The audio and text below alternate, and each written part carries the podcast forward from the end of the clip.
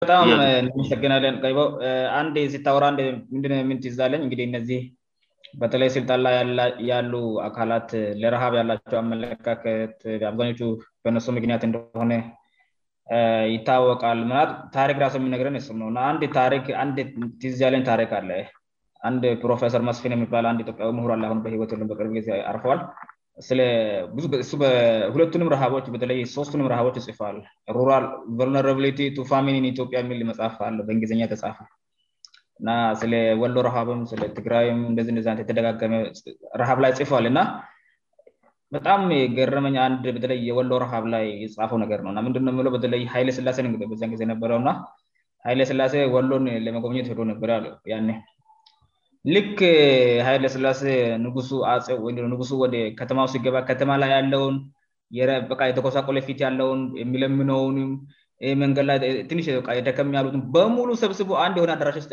አጎሯቸው ማለትነው ከተማውን አፀዱ ውሃረጩ ምንአደረጉ በ አለደለቅ የሆነ ቅዱስ እንትን አስመሰሉ ንጉሱ መጣ ትልቅግቢዳርጠርጠ ያለሰውልጣን ሰዎች ቸው ትለፊትላይሹርጉድ የምሉትእና በቃ ረሃቡ ተደበቀ ማለትነው ንጉሱ ራሱን ዳያይ ማለት ነውና ምድው እንደሚባለው ንጉሱ መስከረ ት ላይ ሰታችን እንደሆነ ታሪን ይ ዮናን ደንበል ሚባድ ንግሊዛ ጋዜኛውሃቡ በደብቅ ቀር መጀመሪያበልሙየታውአሮውስጥ ነው ከዛን ደርገ ወሰደና ኢጵያትጵያ አሳየ ይባላልእና ንጉሱ ያንን የተጎዛቆሉ ሰዎችን የተጎዱ ሰችን የተራቡሰዎችን ሲይ አልቅሷል ይባላልንን ሲያይማለትነው አይደለም ረሃብ ላይ እናሸንፋ ናጠፋን ብሎ አሳሰብቅርናበ እንድነገርባቸውእንኳን አይፈልጉ ሃብ አ ብሎመናገር አድሚት ለማድግእንኳን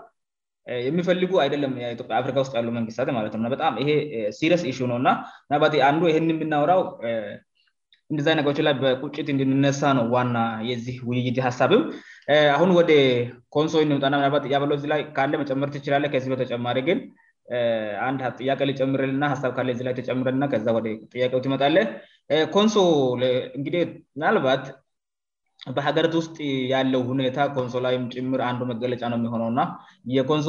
ዝ በተደጋጋሚ ለረሃብ ከሚጋለጡ አካባቢዎች አንዱ ነው ባላል ብጊ ተለያዩ ዶመንቶች ላይ ስንመለከት በረሃብ ከሚጋለጡና በተለ አብዛኛው በሴፍትነት የሚኖር በእርዳታ ዛሬ ንእሬ ን በእርዳታ የሚኖሩ ሰዎች እንዳሉ እናውቃላ እና በተደጋጋሚ በረሃብ የሚጋለጡ ሰዎችሶኮንሶ አንዱ አካባቢ ነው ደቡብ ውስጥ በተለይ በረሃብ ከሚጋለጡ አካባቢዎች አንዱ ነውእና ያ ከምን የተነሳ ነው ምንድ ዝ ምንድ ምክንያቱ ተፈጥሮዊ ነው ወይስ ሰው ሰራሽ ነው ወይስ ምንድ የሚለው ነገር ዚ ላይ ተወስነ ሳብ ቤትሰጠ አመሰግናለው ያው የኮንሶ አካባቢ በተደጋጋሚ በድርቅ ከሚቸገሩ አካባቢዎች መካከል ኑአንዱ መሆኑ ተፈጥሯዊ ነው ማለት እንችላለን ነገር ግን ችግር ውር ጊዜ መቀረፍ የምችል አይደለም ማለት አደለም ማለት መንግስት አግባብ ያለው ስራ መስራት ብችል የተሻለ መፍትሄ ማምጣት ይችላል ብለን ማሰብ እንችላለን ግ ሁላችንም እንደምናውቀው አብዛኛው የኮንሶ ሰው የሚኖርባቸው አካባቢዎች ቆላማ ናቸው ከዛም ባለፈ ግን ድንጋያማ ነው እንደምናውቀው ብን አካባቢው በእርከን የታወቀበት ዋና ምክንያት ማለት ይህን ለማብቀል የሚሆን አፈር ፍለጋ የተደረጉ ጥረቶችን የሚያሳየው እና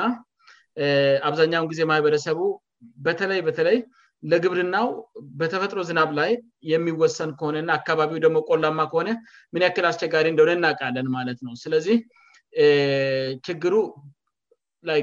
ስልሳ ፐርሰንቱ ተፈጥሯዊ ነው ብንል መቅረፍ ግን የሚቻል ነው አመራር ጥሩ የሚያስብ አመራር ካገኘን ወይም መሪዎቻችን ጥሩ ማሰብ ከቻሉ ወይም ደግሞ ብን ባለሙያዎችን እንኳን ተጠቅመው የተሻሉ ደግሞ ኮንሶ ውስጥም ደግሞ እህል የሚበቅልባቸው ወንዝ የሚሄድባቸው አካባቢዎች ላይ ትንንሽ የተጀመሩ ስራዎች አሉና እነዛን ስራዎች ስኬልፕ ማድረግ ይቻላል እነዛን ስራዎች ስኬልፕ በማድረግ ምናልባት እሱም በኋላ የመለስበታለው ግን አሁን በዋናነት እንግዲ የጠየከኝ ለምንድን ነው ስላልከኝ ተፈጥሮዊና ደግሞ ፖለቲካዊም ነው ብዬ መውሰድ ይችላለሁ ማለት ነ ስልሳ ፐርሰንቱ ተፈጥሯዊ ነው የመልካ ምድሩ ችግር ነው ብለን እናወስዳለን እንደዛም ሆኖ ግን አሁን ላይ ኮንሶ ካለበት ሰፍቶ ይህን መመረት የሚችልባቸው አካባቢዎችንም የኮንሶ አካል ያደረገበት ሁኔታ ነው ያለው ወንዞች አካባቢ ማለት ነው ምንምንምን ከዛ በፊት ምናልባት እንደ ኮንሶ የማይቆጠሩ ከወይጦ ወንዝ ማዶ ሁ አሉ አደለም ኮንሶች ዘንድሮ ስለዚህ አሁን እድሎ አለ ማለት እንደ ድሮ ኮንሶ በተራራማ ና በቆላማ አካባቢዎች ብቻ አደለም በረሃ ውስጥም ወንዝ አቅራቢያም ህልም ፍለጋ ይሄዷል እና እነዚን አካባቢዎች ደግሞ ማልማት ያለመቻልም ይመስለኛል ማልማት ያለመቻል ነሰንስ በመንግስት አቅም ማለት ነው ግለሰቦች ያቅማቸውን እየተፍጨረጨሩ ነው የበጎ አድራጎት ድርጅቶችም የአቅማቸውን እየተፍጨረጭሩ ነው ግን እነዛን ስኬላፕ ማድደግ ይቻላል ግን በጭሩ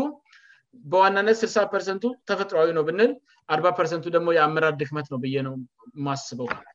በጭሩ ከይቦ የሚትለው ነገር አለዝላ ወደ ስፔስ ወደ ኮንጮ ወርደናአል እና ችግሩ hmm. ከምን መንጨ ይመስላል በተለይ ኮንሶ አካባቢ በተደጋጋሚ ድርቅ መከሰቱ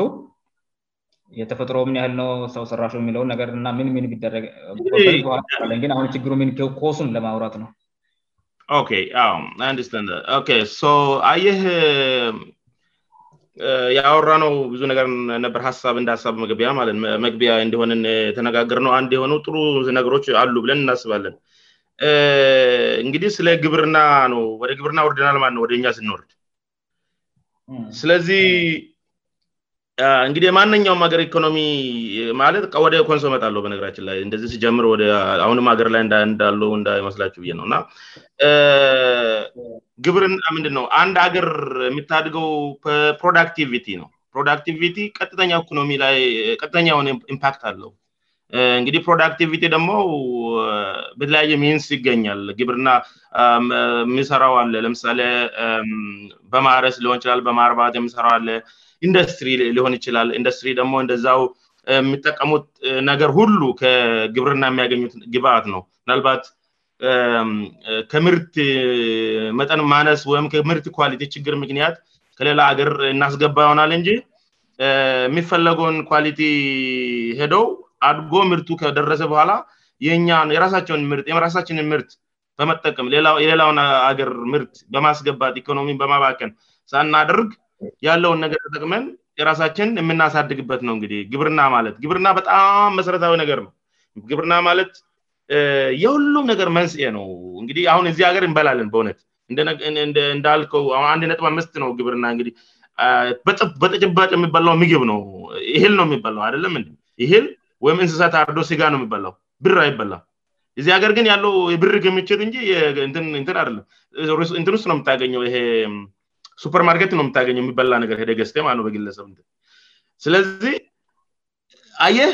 ግብርና ማለት ምን ያህል እኛ አላሰብነውም እን ግብርና ሁሉም ነገር ግብአት ነው በካ አንተ የፈለገ ገንዘብ ኖር ሀብት ኖ የፈለገ ትልቅ አገር ሁን የሚበላ ነገር ሲኖር ነው የበላውእብርርቀት ነው አትበላው ስለህ ግብርና ቀጥተኛ አስተዋጽኦ አለ ማለት ነው ላለው ነገር ሁሉእና ምንድነው አሁን ያለው ችግር ምንድነው መስላቸው አሁን እንደዚህ በግብርና መሰረት አድርጎ ለማደግ የምነሱ አገሮች እንግዲህ እነዚህ አገሮች ግብርና አልነበራቸው ማለት አደለም አድጎ ነው ይህን እየቀነሱ ወደ ኢንዱስትሪ የቀየሩት እሱን እናካል ግን አሁን እኛ ይህንንን ግብርና የምትለዋን ነገር ለመቀየር ምን አይነት የግብርና ስርአት ነው እይዘን ያለነው ነው አሁን ጥያቄ ወደእኛ ሲመጣ ማለት ነው እንግዲህ ወደ እኛን ስናወራ ሌላ ኢትዮጵያ አካባቢ ያሉ በግብርና የሚተዳደሩ ሰዎች የተለየ ነገር ይሰራሉ ማለ ም አይሰሩም የተለየ ነገር የሚሰሩበት ቦታ አለብዬ አላስብም እና ግብርና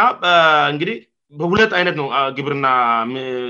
ታወቀ በአሁኑ ሰዓት ማለትነው ትራዲሽናል ኦፍ ፋርሚንግ ወይም ባህላዊ የሆነ የአራረሰ ዘደና ሞደርን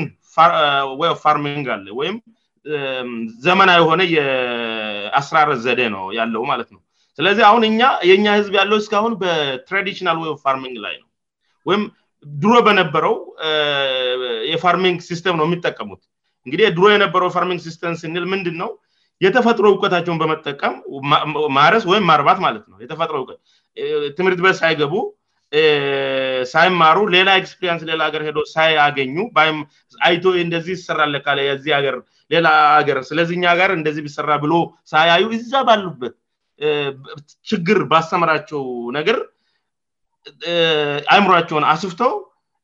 አይምሯቸውን እንዳያስብ አድርገው የሚሰሩት የግብርና ስራ አይነት ነው ትራዲሽናል ኦፍ ፋርሚግ ማለት ስለዚህ ምንድነው አሁን በኛ አካባቢ ስናየ ለምሳሌ አሁን ለማረስ ምን ይታሰባል የሚታስቡ ነገሮች አሉ ማረሻ ያስባል ማረሻ ለማረሻ የሆን ነገሮች እንደሰራ ብሎ የለሆነ ያስባል እንግዲህ ማዳበሪያ እኛ በፋብሪካ ደረጃ የሚቀርበው ኬሚካል ሳሆን አሁን ነው የመጣው ምን ያስባል ከብቶች ኩበት ያስባል ከብቶች ት በክስፐሪንስ ደረጃ ወይም በልምድ ደረጃ ከብቶች ንትን ስሉ ጥሩ እንደሚበቅል ስላዩ ከከብቶችንንትን እንደ ማዳበሪያ በየሳሉ እየጨመሩ ተመሳሳይ ን እያደረጋሉያርሱበታል በሬ እየተጠቀሙ በጠምዶ እጠቀሙአንዳንድ ቦታላይ አህያም ይጠቀማሉንትን አድርጎ እንደዛ አይነት ነገሮች ነው ተጠቅመው የሚሰሩ የነበረው ባ እስካሁን ያሉት እንደ ነው ሚሉት ስለዚህ የሚያገኙት ተመሳሳይ ነገር ነው ማለትነው አንድ ነገር ልንገራችው ተመሳሳይ ነገር ሰርተ የተለየ ነገር አጠብቅም ሁም ተመሳሳይ ነው የምታገኘው እና ምንድንነው ይህ ሁሉ ነገር ሰውች በችግሩ ምክንያት ስለተፈጠረ ከአዳምና ህዋን ጀምሮ እውእስካአሁን ያለው ጀነሬሽን እንግዲህ የተቀየረ አለ አሁ ሀገር ላይ የተቀየረ ለ ቀሮሌላ ይ ላፍ ስታይል የተጀመረአለ እኛ ጋ ግን ብዙ ቦታ ላይ እንግዲህ ለዛም ነው እ 8 ርሰት ግብርና የተባል ያለ ነው ተመሳሳይ ነገር ነው እየኖርናአለነው ስለዚህ ይሄንን ነው አሁን ችግር መታሰብ ያለበት ለምንድንነው የኛ ህዝብ የማይቀየረው ለሚባለው ጥያቄ መልሱ ምንድንነው ቀላሉ ምክንያቱም ተመሳሳይ ያውም እየቀነሰ በሚመጣው ዲግሬድ ያደረጋልአም ሰ ይልኮ ኒውትሬንቱ እያለቀ ይሄዳል አይደለም ስለዚህ ይሄንን ነው እየደጋገመ የምጠቀመው ይህንን ለመቅረፍ ምደረግ አለበት ምን መደረግ አለበት ደርናይዝን መደረግ አለበት ፋርሚንጉ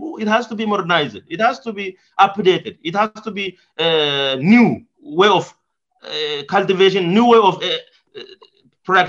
ፕን ስለዚ እነዚህ ነገሮች ካልተቀየሩእና ትሬዲሽናል ወይም ዘና ባህላዊ ሆነ አስተራረስ ዘወደ ዘመናዊ ካልተቀየረ uh, የተለየ ነገር የምናይበት ነገር የለም ለምሳሌ አሁን ከዚህ በፊት በበሬ ታረስ ነበረው ወይም እኒ በልና ሰማይ ላይ ነው ዝናብ የሚጠብቁት አደለም ዝና ው ዝናብ ሰማይ ላይ እያዩ ዘንብ ሁን አይዘንብ አንዳንድ ጊዜ በግ ያውቃል ሰው በግት ያውቃል ክርምት እየደረሰ ነው ብሎ መረቱን ያዘጋጃል ግን ይሄ ነገር ይሁን አይሁን በእምነት ነው ያለው ተጨባጭ የሆነ ነገር አይደለም ወይ ዘንብ ይችላል ወይ ላ ዘንብ ይችላል እንደዚህ ይህን እየጠበቅ ነው የሚሰራው ለት ይኖረው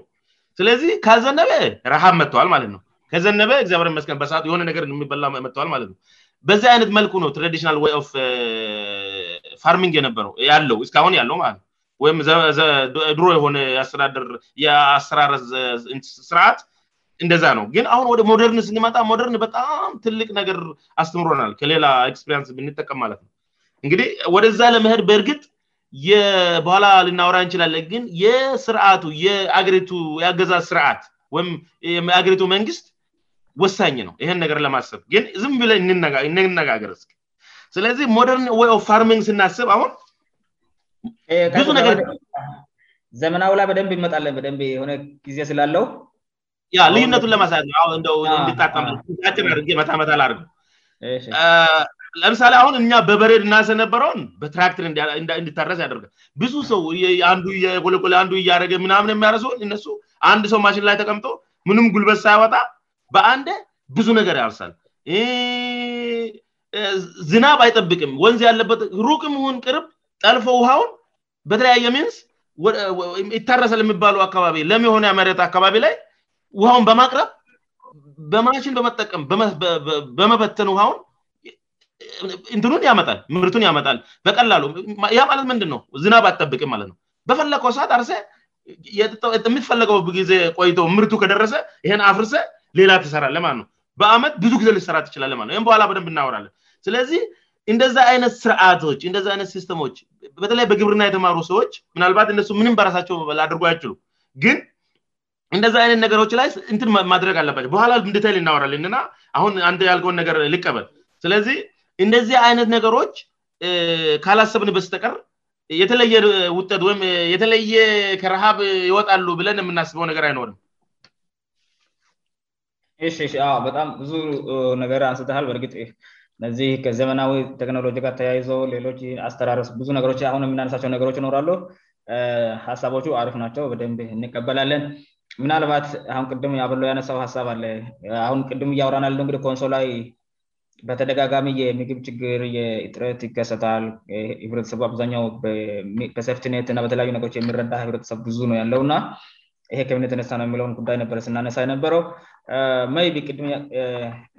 ያበሎ ንደነሳ ነገር አለ ለምሳሌ ተፈጥሮዊ ነገሮ ስልሳር ዛ ደረጃ ይገምታል በብዛት እና እነዚህ በደንብ ዚጋየተወሰነ ጊዜ እንድንወስሩ ፈለጌ ነው እነዚህ መልካ ምድራዊ አቀማመጡ የመረቱ አቀማመጥ የመ ተፈጥሯዊ ነገቆላማ አየር ንብረቱ ያመጣው ተጽዕኖ ምን ያህል ነው በደብ ንደብላይጊዜእንበልናምን ያል ውው አጠቃላይ ውጠጣማ ፕሮዳክቲቪቲ ላይ ቲቭ ወይምሞ አሉታዊ ተጽዕኖ ምን ያህል ነው የውበ መልካ ምድራዊ አቀማመጡንድ ያመጣየላይ ንሽጊዜእንስልናንወስላ የምለ አሳንሽ ስሳላበብ ይጨምር እሺ መልካም እንግዲህ ሁላችንም እንደምናውቀው የመጣኒባቸውን አካባቢዎች ማሰብ እንችላለን የኮንሶ ህዝብ ሰፍሮ ስኖሪባቸው የነበረው ለብዙ መቶ ዓመታት ሰፍሮ ስኖሪባቸው የነበሩው አካባቢዎች እውነት ለመናገር በበሬ እንኳን ለማረስ አይሆኑም ነበር ሁላችንም እንደምናውቀው እንደገና በአያቶቻችን ዘመን የነበሩ አካባቢዎች ላይ በበሬ እንኳን አይታረስም የግዴታ ሰው ነው እንደ በሬ ሆኖ የሚያርሰው እንደምታውቁት ማለት ነው ከዛ ምናልባትም በአባቶቻችን ትውልድ ደግሞ